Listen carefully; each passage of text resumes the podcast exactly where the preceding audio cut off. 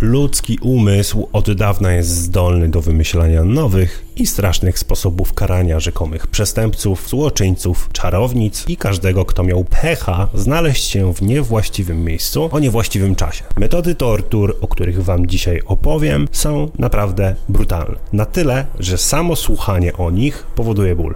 Pamiętajcie, nie próbujcie tego w domu.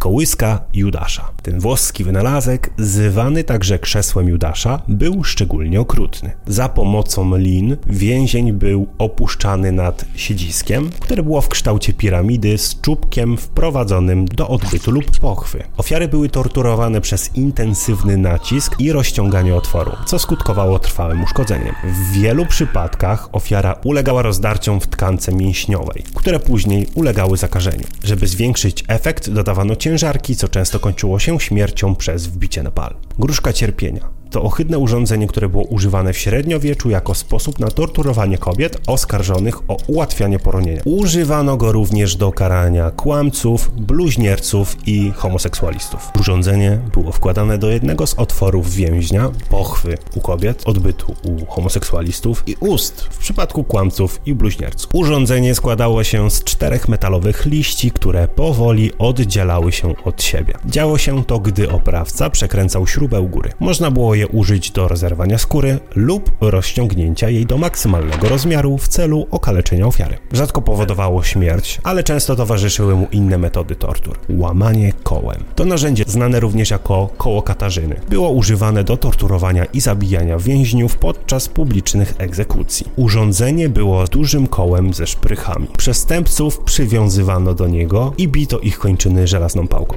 Szczeliny w kole pozwalały tym kończynom się tam wplątać i je zmiażdżyć albo złamać. Paradoksalnie najgorsze ponoć było to, kiedy ofiara przeżywała, ponieważ odniesione obrażenia były w zasadzie nie do wyleczenia, więc w męczarni czekał on kilka dni na zgon. Żelazne krzesło to narzędzie tortur było szeroko stosowane w średniowieczu. Ofiary były umieszczane na krześle, na którym znajdowały się setki ostrych kolców, po czym następowało stopniowe zaciskanie żelaznych ograniczników i kolce głęboko wbijały się w ciało. Taka tortura trwała godzinami, a czasem nawet dniami. Kolce nie przebijały ważnych narządów, a utrata krwi była minimalna. Przynajmniej do momentu, kiedy ofiara siedziała. No bo jak wstawała, to wykrwawienie nie trwało zbyt długo. Żelazne krzesło miało także ponoć bardzo psychologiczną moc, ponieważ ofiary często przyznawały się do zarzutów po tym, jak były zmuszane do oglądania innych więźniów, którzy byli torturowani przez to urządzenie.